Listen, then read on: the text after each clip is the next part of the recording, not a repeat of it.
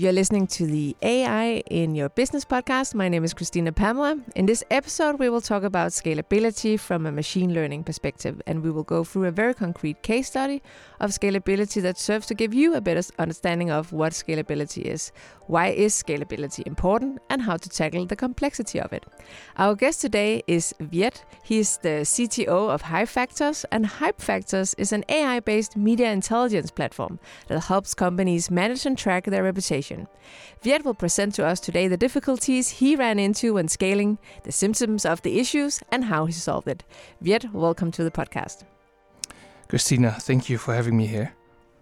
Let's start out by defining, uh, Viet, what is scalability? That's actually a very good question, to which I will attempt to define it by two dimensions. Uh, one dimension is that you have a particular service running, and you want simply that service handle more. So you're probably going to duplicate that service. So that's more like scaling by volume, I would argue. Uh, another form of scalability, according to what I work with and how I define that, is the growing complexity. Uh, meaning we had something simple, uh, we're going to evolve into something more complex, and therefore we need to come up with a plan to walk that trajectory. Okay, let me see if I understand it. So, uh, so the first thing you mentioned, um, could that be uh, like the, the, number of, of machines you need to use? That you need to have uh, more storage? Uh, it needs to run quicker. Can can you give me a concrete example? What could that be? Yeah, so uh, I think you're thinking the right direction here. Is uh, indeed scaling by volume, mm. and that's because volume makes things harder. It's simpler to do something with if you only get 10 uh, requests to run that AI, then let's say 10 million times. Uh, there's a whole different complexity. So more volume is that like more customers, uh, or is it uh, more machines, or what is volume? I'm going to take here a little bit of complexity theory. Mm. so in computer science, we have very traditional methods. it's actually called complexity theory, where we analyze the complexity of an algorithm. Mm. Uh, and when we do that, we come with uh, a conclusion to say like, uh, in the worst case scenario, this algorithm works like that. And in the best case scenario, like that, or the average case. Okay. So when we take these that notion into account, is that to analyze such an algorithm, we usually look at the most important factors that impact the running time. So a simple example: of sorting, mm-hmm. a very classical example. To sort like a set of uh, numbers it's easier to sort a set of three mm. because you know you look at three elements, but mm. it's much harder to sort uh, 10 million mm. elements. Mm. So the complexity grows with the number of elements in the in the set. Okay, so it has to do with input, the the set of data that, that you're dealing with. Yeah, so you look for factors that okay. um, that impact your ability to service. Okay. Uh, so yeah, and to, to display the behavior that you want to yeah. show. Yeah. So that was one thing, and the other thing you mentioned complexity. Yeah. The innate complexity. But what what what is what is complexity when it comes to scalability? To give an example, we see big difference eh, between uh, or we see big divide between classical machine learning, what's now known as classical machine learning, and uh, deep learning. Mm. Uh, some people uh, say that deep learning solves much more complex problems, much more with much more detail than the previous uh, generation of algorithms but at expense of um, that there are more theoretical concepts involved. Whereas the other algorithms had more simpler concepts uh, involved. You could say that on on average, there will be more people able to grasp classical machine learning than on average uh, people grasping deep learning. Okay. Thank you very much for clarifying the topic of today, scalability. Why is scalability important? I speak with um, multiple head of AI and, and, and machine learning experts, and um, they all ask me to look into this topic. Why do you think there's such a great interest for scalability, and why is it important to talk about? Because when we build things, we anticipate that this is just the beginning, mm. usually, mm. and especially in a startup in a startup, uh, we, we look uh, towards the future and we foresee that, that things will be significantly different mm. from where we are today. Mm. And that being said, is that like uh, scalability? That's that's a kind of question that often pops up in more product-focused companies. take the alternative in an um, in companies that like agencies, where you uh, do an assignment for a client, you tend to build something purely addressing the needs of a client. So you don't have a strong need to to make that also work for ten other clients. You just what you do whatever it takes to make it work for one client. So scaling is you don't think much about scaling except for addressing that client's needs. In a product for a focused company, it's very different. And we're building something here that 10,000, maybe 100,000 people will use. So uh, by anticipating that that growth and that change, uh, we we start to reflect then on like the needs that our system needs to reflect. Okay. Does that require a startup to to think about this very early on and and create a strategy around it, um, or how would you go about that? Uh, the timing in in having a, a scalability strategy. Yeah. So there's uh, there's a well well known maxim here, like it's called uh, premature optimization. Mm. Of course, we could try to optimize in early on that it works at Go- to ensure that it works at the scale that Google handles re- service uh, request, but it would be premature. Also, the effort that goes into it. So it's often the balance between the the means that you have and also the time versus the outcome. Uh, so in our case, yeah, of Hype Factors, we we did think about that, and we think about it quite regularly. Um, the way I approach that is that uh, we made sure that we think far enough ahead that it buys enough time again that we can think uh, think for the next steps afterwards. Okay. After we've ruled out. If you look at us at our history, we have been, I'd say, to three significant scaling rounds. Mm.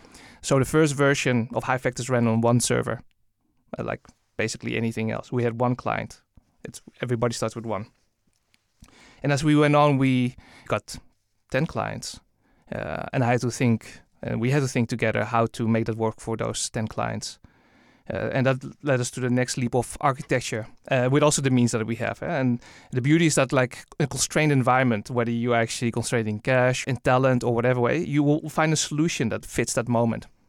And now, you know, we're a scenario where we have 10,000s of users on our platform.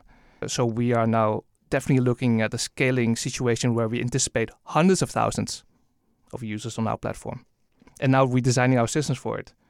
I'm sure right now I'm I'm thinking far ahead enough so that uh, when the moment comes that we have to think about 10 million users, that I have time to design that system. And how uh, early in advance do you need to prepare for, for this? So if we jump from let's say 10,000 to 100,000 users. Um, can you put a time scale or something on it? Uh, so everybody wants to grow as fast as possible. Yeah. Um, it is, uh, yeah, it's a tricky judgment, and I think that's where the C- being CTO is kind of an art. yeah. uh, of course, we collect, you know, as much evidence that that we can take. Eh? For example, you look at user growth, you can look at the load of your systems, what we you know also did and what we continue to do is to load test our systems before we roll, roll out. Uh, so give you an idea, like we have a web crawler in deployment, and uh, now five years ago we had about one million websites to crawl. So it was of course designed to handle that. But I anticipated that we're going to add more. So I created a load test that that can handle 100 million. So I tested that design that it can one yeah handle 100 million websites uh, and load tested that uh, so I feel pretty comfortable that we are can handle our future needs there. And what did you do in terms of hardware? Um, I could imagine that if you deal with uh, 10 million, you need more capacity, more machines. Yeah, you can take it two ways. Um, uh, there's very common, like, or actually three ways. Uh, there's um, what we call horizontal scaling, and then there's vertical scaling. And also, what we uh, take as consideration is optimization. We take the existing algorithm and see whether we can, for example, reduce um, its memory consumption by half or reduce its uh, runtime. So instead of running 200 milliseconds, that can run 100 milliseconds. So then we can serve twice the amount of requests with the same hardware. So that's uh, yeah. So purely by optimizing the software or the design itself, we can achieve quite a lot and we have a whole bunch of optimization techniques there, which we can dive into. Then there's vertical scaling. We can look at uh, increasing um, the capacity of the single server that we have. Uh, for example, adding more memory, increasing the number of CPUs of the computer. And the second step is then uh, horizontal scaling, where we then add more computers uh, and, and and then figure out a way to distribute the work across them. And what did you do? Did you add more computers and and did you do horizontal scaling or? We always do all three. Okay. Yeah. I, is that uh, particular for your case, or is that just how it works when you reach a certain number of customers? I think when you're in a moment and you're looking at like how to approach things, you look at your options. Yeah. Um, for example, like uh, if at some point you reach the limits of vert- vert- vertical scaling. So if I run something on the on the computer that requires 100 cores and uh, eight terabytes of RAM, it's very unlikely that I can find another computer that has double the amount of cores and Mm. double the amount of memory. Mm. And so then, you, then vertical scaling is no longer an option, and then you take that out of the equation and you go to, for example, horizontal scaling or optimizing your software, whatever, yeah, whatever direction you see. Uh, so we just make a list of all our, we chart our options, we rank them and traverse then what's the most likely one that will help us to succeed. Um, so when we talk about the complexity, Viet can you please tell us how did you tackle complexity in terms of vertical scaling? Uh, yes, we have a case uh, where we start out on a what we call a small GPU. Uh, so we use GPUs to accelerate uh, the com- uh, computation of, for example, of training uh, machine learning model. And sometimes that's actually sufficient. We don't need to have the biggest GPU out there. And then our data set grew substantially. Uh, and I remember like, oh, now we probably have to wait longer. It takes maybe now like six hours to train and say, ah, okay, you know what? Why don't you just deploy? You know, I told this to to uh, my team. Why don't you just deploy uh, the same computer but like with a double the GPU? And I say, okay, and try that, tune it a little bit. Yeah, training goes now like twice as fast. And I said, yeah, but still like a few hours. Why don't you just double like that amount again and double again? And then we ended like to face a scenario like that they could train the, the model in half an hour. And I said like, yeah, but you know, it's nice, but like if we could even iterate faster if we use a TPU, which is um, like a chip by Google specialized for uh, machine learning. And then they rolled one out. Uh, configuring was a little bit harder because they it's it's a little bit less common to use that, and these are really fast, uh, specialized chips uh, to to do training and also uh, serving machine learning models. And then training time was just cut down substantially. Uh, so that that helped us. And then and instead of so it waiting for six hours and then iterate, you know, do changes to your experiments, we could just do that in like minutes. How much was the training time cut down with the with the Google uh, chip? Yeah, so we went from hours to like minutes. Impressive. Yeah. So these chips are highly optimized for it. They are of course like also much more expensive. But that's a kind of a trade-off that we then look at, eh? like um, um, how um, time saved versus then the cost. Uh, because let's assume something runs two hours and you pay, yeah, let's say a thousand dollars for it, and if you can run the same thing on a faster chip, that will cost you twice, but you can run it then in half the time. That's basically the same cost in the end. That So- sense. That happens also to us. Yeah. That that's so the scaling levels tend to be defined like that. And um, if we look at uh, how you tackle complexity in terms of horizontal scaling, please take us through that. Yes, uh, we do it for two reasons. Um, not only for scaling, but also for reliability reasons. Um we have a cluster that serves uh, machine learning uh, models, and by principle, to ensure that uh, that we uh, that the chances that we're able to serve it increases, we always have two nodes uh, running and available to run. So in the case of you know computers, anything could happen. Uh, you know the power could be cut off to one, or like the network's cut off to to one part, or the disk gets full, whatever reason. Then there's always another node standing by. And so we do that as principle. So we always come up with a computing cluster, and therefore we have the horizontal scaling, purely purely actually pure uh, for reliability reasons. And then on top of that, like we have the need that we ser- need to serve more re- uh, requests. Uh, for example, instead of like going for 60 million, we go to 500 million a day. Um, and then we can use that same platform, um, add um, add a, a- a method to it that, that helps us to measure the load um, on the GPU. Uh, so, so if the GPU is at 90% capacity, then that cluster will be triggered to replicate itself uh, and that more nodes are added, so it can scale accordingly.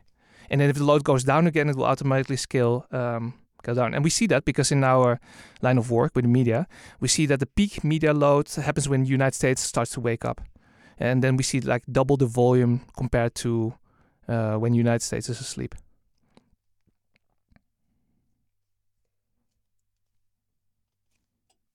Anything you want to add? Because I'm just going to cut this in uh, as a part of the flow. Uh from from where we yeah. left off with the maybe maybe I should add like horizontal scaling is uh, kind of hard because we need to get like um we need to measure the C uh, GPU uh, utilization quite accurately, then have that communicated to another system that manages the cluster and that knows, let's say, okay, the the cluster is uh, this size, and now the GPU are used this size. So it needs to be a formula to say like, okay, at this moment I need to trigger uh, adding another node.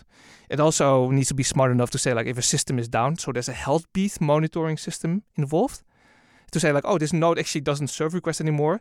Likely something's wrong with it. That we add another node to it that can uh, can yeah that backs up the request. Uh, and on top of that, we design our data pipelines all, along with it, uh, with back pressure mechanisms to indicate to the data, say like, look, uh, we're currently at peak load please uh, buffer your data for a bit until we're able to scale up. And then once we scale up, it just rushes through it afterwards.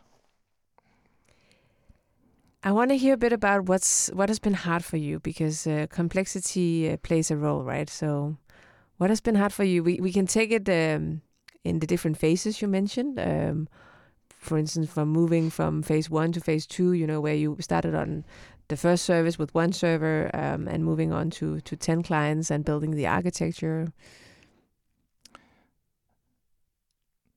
There are several things that have been hard. Um, one is actually the team itself. It is quite um, people adapt to their own circumstances in general mm. uh, so also my own team is adapted to our environment uh, but if you take people from some other scenario, they worked at a, you know, uh, for example, big corporation, uh, they adapted to that. So if you take them into a small company scenario, either they adapt or they don't succeed. And what what makes a actually startup uh, very nice, but also as well as same hard, is that the um, the technical skills to be in the early phase where you frantically figure out a way the um, to make a product that appeals to the market, uh, the product market fit, to another phase where you have that fit, but then you have to think about how to um, handle the volume of uh, clients or how to keep the growth in. The technical skills requirements are vastly different. And what's the difference?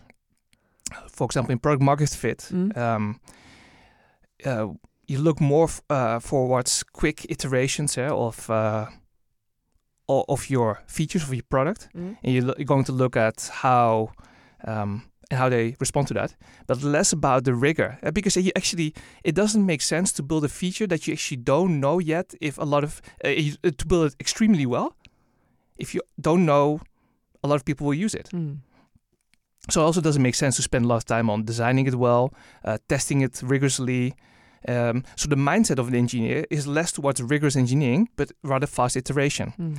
Whereas, like if when you bec- as you grow bigger, and we see that too as well, is that uh, you know you have revenue streams, you have a lot of clients, you want to keep that running. Then the importance of keeping things running um, increases, and therefore the effort that you put in as an engineer to keep the systems running increase. And so that's why we do much more uh, compared to five years ago. We do much more testing. Uh, we have much more systems placed to assure the quality uh, of our of our code in our systems and that's a big transition. So uh, for that, some people function very well in the early phase, mm. and then once the company grows, they they left out. Some people function only well in the later phases, but if you take them to an early hackish phase, then uh, they feel like that they're always doing a poor job.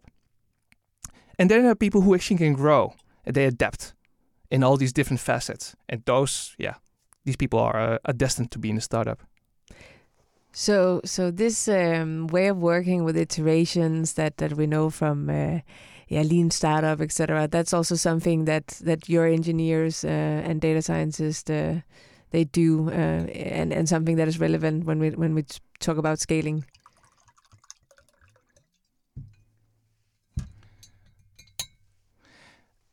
Yes, because in scaling um, in the early phases means actually building the right foundation place that you can iterate quickly. Mm. Where scaling in the later phases, uh, now as, as factors is growing now too, um, it's it's putting emphasis on um, as well as ensuring the the serviceability to our current clients, as well as adding new features to, so that we can grow uh, and capture more market share. Um, so let's go uh, deeper into to the complexity and how you tackled it. Um, let's talk a little bit about um, optimization. Um, you already mentioned it a bit, but let's um, let's go a little bit more into the uh, issues in vertical scaling versus horizontal horizontal scaling. Yes, um, uh, let me give you a few examples. I think that's uh, um, one example is a concurrent uh, system symptom. So um, we I build an uh, a model that can uh, interpret publication dates, and it can do it in such a way that if you write that in the American format, where I say the month and day is switched on, um, it will figure it out. If you write in Chinese, it will figure out. Or if you just add the, like any variation, it just will figure out the most uh, probable way to interpret it. And that model we we wrote in an um, in a machine learning framework called Figaro. It's a little bit esoteric. And uh, once we, I had running, oh, I remember my computer and I was, you know, giving it input and I saw the output and it, you know, it kind of, I think in my mind, uh, it works. uh, so because with the right input, it gives you the right yeah, output. yeah, yeah. I thought, let's roll it out. And then I rolled it out and started testing it uh, on the, the load. And so like, it was returning gibberish. yeah, total gibberish. Surprised me. So because then I took the same inputs that that was doing into our testing environment and fed it on my local computer. And I saw that it was actually returning good results. Oh, so what was the difference? Yeah, so then I went this big investigation uh, and then learned that uh, that many concepts in the Figaro machine learning framework were what's what we call not thread safe. And uh, that's actually where my experience of the Java memory model from my master thesis came uh, into relevance because uh, it was not um, it was not respecting the order of computing that I set out. So I had to enforce that, and I went on a, a big quest, you know, diving into the source code of Figaro, uh, understanding where it was trying to communicate with memory, and to isolate those elements, so that um, that I could make it work out in a bigger deployed environment where a lot of shared memory happens, and then that it yields the same outputs. Uh, that took me uh, like a week or two Okay. uh, to to identify all the issues, and then I made a version of our AI that was then what's called thread safe. We could roll it out on a big computer that has many computing cores with shared memory, and can handle that load of you know uh, uh, doing 60 million uh, requests a day. So that and that th- that thing has been running ever since. Yeah. So that's an example, I think, of uh, typical uh, yeah, symptoms with uh, concurrent programming that happens. Now we have also um, we also use deep learning for our text processing uh, prox- uh, processing, uh, and there when to- when we talk about optimization, we first look at making the the neural network smaller or simpler Mm. because a bigger ne- neural network simply comes with more computational requirements.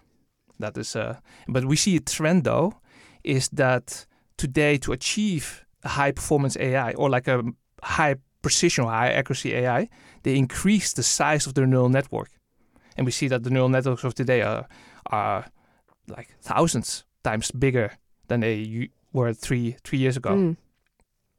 But does it still keep up with the the speed uh, and capacity that that you need? No, it Uh, doesn't. Okay.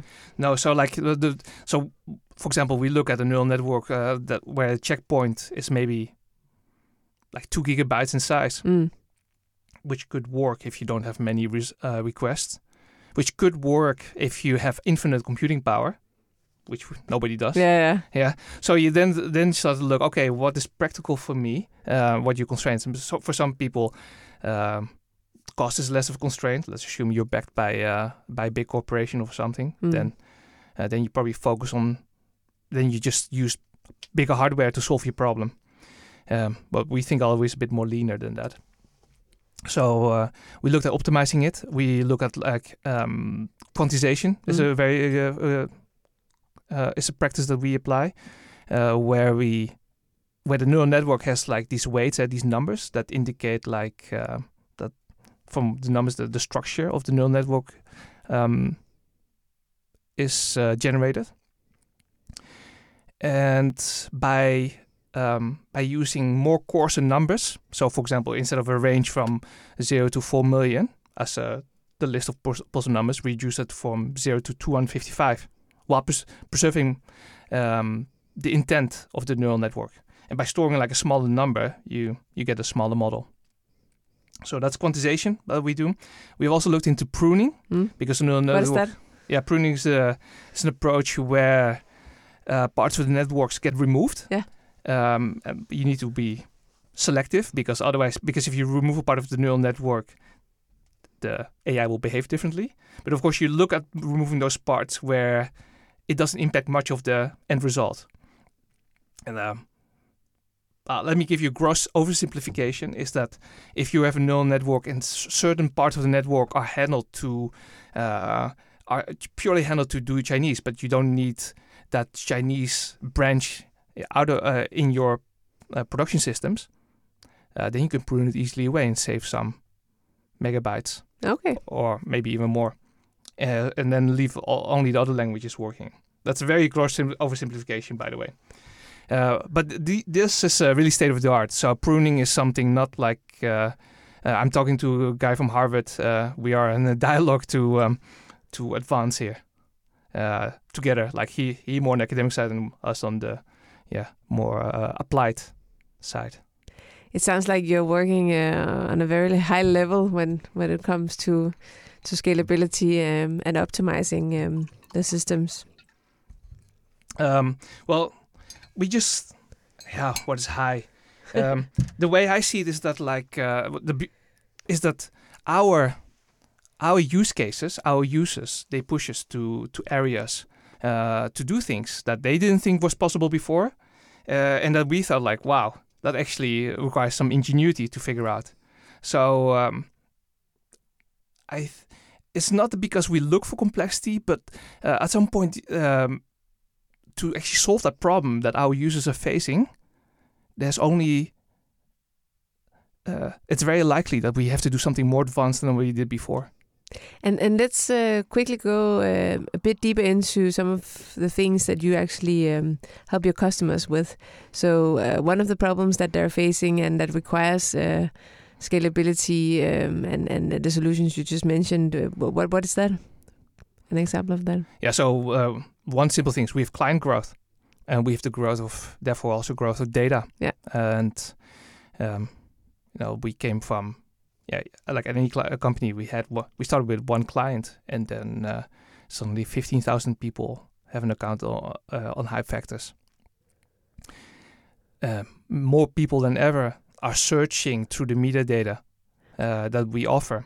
So to, to cater them um, and to ensure that we have the data processed for them, uh, we are now uh, building architectures, uh, computing platforms where our machine learning um, will handle that, uh, will handle the next scale of of, of, of clients that we have, and that's uh, yeah a vastly larger scale that we are planning for. Thank you for, for stopping by today at the studio and sharing with us uh, the why, what, and how of uh, scaling. Um, Viet, uh, the CTO of Hype Factors, it was a pleasure to have you with us today. Thank you for coming. Thank you, Christina. It was great to, to be here. And thank you, everybody, for uh, listening to the AI podcast. My name is Christina Pamela, and uh, today was about scalability. As always, I uh, encourage you to visit our website on reptile.com and give your suggestions for upcoming themes. Um, looking forward to the next episode, and uh, thank you for listening.